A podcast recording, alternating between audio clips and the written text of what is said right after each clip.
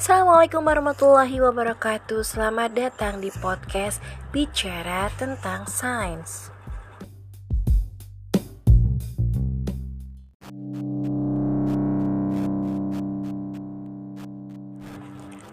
Podcast Bicara tentang Sains adalah implementasi dari pembelajaran IPA baik di tingkat SD, SMP, maupun di SMA.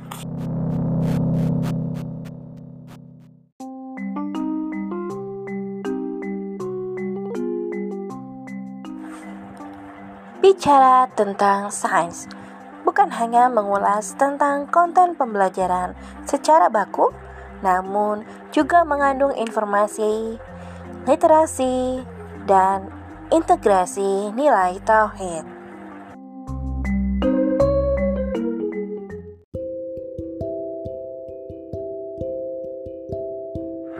Saya, Onasis Meita, akan setia menemani pendengar berbagi informasi, belajar bersama, dan berliterasi bersama hingga mampu memberikan jawaban atas permasalahan yang kita temui dalam kehidupan sehari-hari.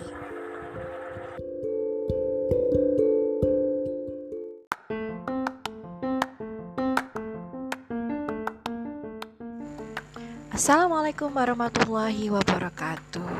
Hai teman bicara. Kembali lagi bersama saya Onasis Meita dalam podcast Bicara tentang Sains. Nah, bahasan pertama yang akan kita bicarakan pada episode pertama ini berlatar belakang dari sebuah peristiwa yang sering kita alami. Nah, tentang gigitan nyamuk nih. Siapa sih yang gak pernah digigit nyamuk? Yups, nyamuk tergolong dari kingdom Animalia Avertebrata yaitu Arthropoda. Dari ordo Diptera, nyamuk sering dikenal sebagai hewan yang pembawa penyakit. Nah, dalam Wikipedia disebutkan bahwa nyamuk itu ternyata memiliki dua sayap yang bersisik, tubuh yang langsing, enam kaki yang panjang dan ukurannya sekitar 15 mm.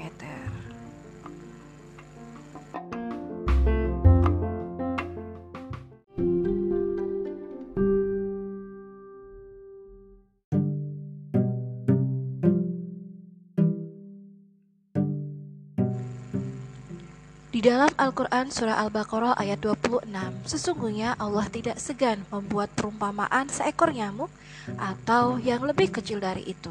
Adapun orang-orang yang beriman Mereka tahu bahwa itu kebenaran dari Tuhan Tetapi mereka yang kafir berkata apa maksud Allah dari perumpamaan ini? Dengan perumpamaan itu banyak orang yang dibiarkan sesat dan dengan itu banyak pula orang yang diberi petunjuk.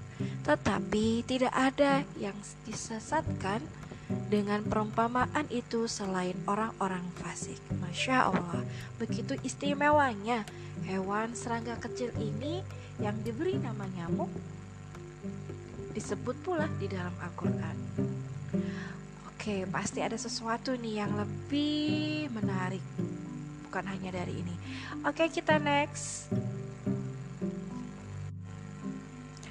Dan ternyata peran nyamuk setelah kita cek berbagai macam literasi itu juga menyebutkan bahwa nyamuk itu memiliki peran penting dalam kehidupan kita. Salah satunya sebagai agen penyerbuk bukan hanya hewan-hewan atau serangga lainnya tetapi nyamuk ini sangat berperan penting loh. Buktinya nyamuk jantan ini suka makan nektar tapi ada yang bilang nyamuk kok makan darah. Ya nyamuk yang makan darah itu adalah nyamuk yang betina. Berbeda loh. Kenapa berbeda? Karena nyamuk betina itu memang membutuhkan protein yang diperlukan untuk bertelur. That's why protein yang didapat dari darah itu dikonsumsi oleh setiap nyamuk yang berjenis atau golongan dari betina. Jadi tetap untuk nyamuk yang jantan itu makannya tetap nektar. Oke. Dan di sini ternyata proses penyerbukan pada tumbuhan yang dibantu oleh nyamuk tadi sangat bermanfaat. Bagi tumbuhan khususnya. Yang kedua adalah potensi pengobatan. Air liur nyamuk ternyata digunakan loh sebagai bahan eksperimen uji pengembangan obat. Nah, obat apaan tuh? Nah, di dalam air liur nyamuk ini ternyata ada uh, zat yang menghambat proses pembekuan darah. Dia mampu mengobati penyakit kardiovaskuler yang diaplikasikan akhirnya diaplikasikan dikembangkan sebagai obat anti clotting atau inhibitor penghambat pembekuan darah. Nah, keren kan? Masya Allah. Yang ketiga, ternyata salah satu peran nyamuk juga yaitu meningkatkan keanekaragaman spesies, memastikan bahwa keanekaragaman ekosistem yang ada di lingkungan kita itu seimbang keanekaragaman hayati burung, hewan-hewan yang lain yang suka makan serangga. Wow, jelas nih kalau seandainya nyamuk itu hilang, maka serangga atau burung yang di luar sana beralih makanannya menjadi makanan yang lain. Yang keempat, Salah satu peran nyamuk yaitu menyediakan makanan bagi hewan lainnya. Hampir sama, nyamuk nyamuk yang bertelur menghasilkan larva. Di situ ada rantai makanan akuatik. Kalau kita perhatikan dalam sebuah kolam, banyak jentik-jentik nyamuk. Nah, itu makanan dan sumber nutrisi dari ikan, sumber nutrisi dari burung untuk nyamuknya dan kelelawar ataupun laba-laba. Yang kelima, sebagai ladang penghasilan produk pembasmi nyamuk.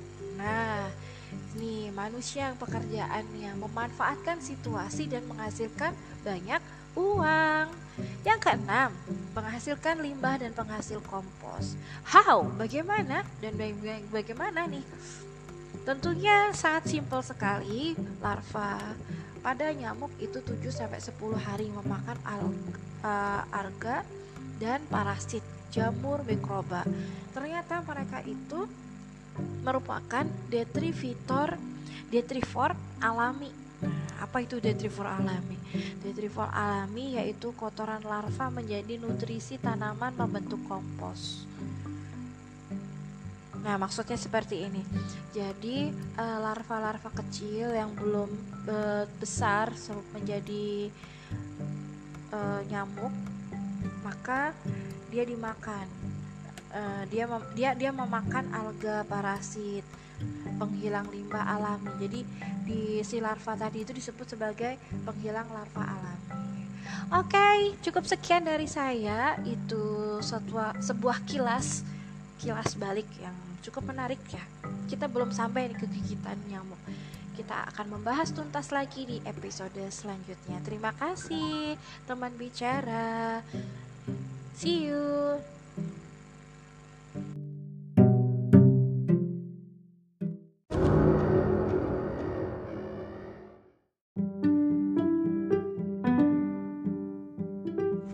Stay tune di episode selanjutnya podcast bicara tentang sains edisi nyamuk.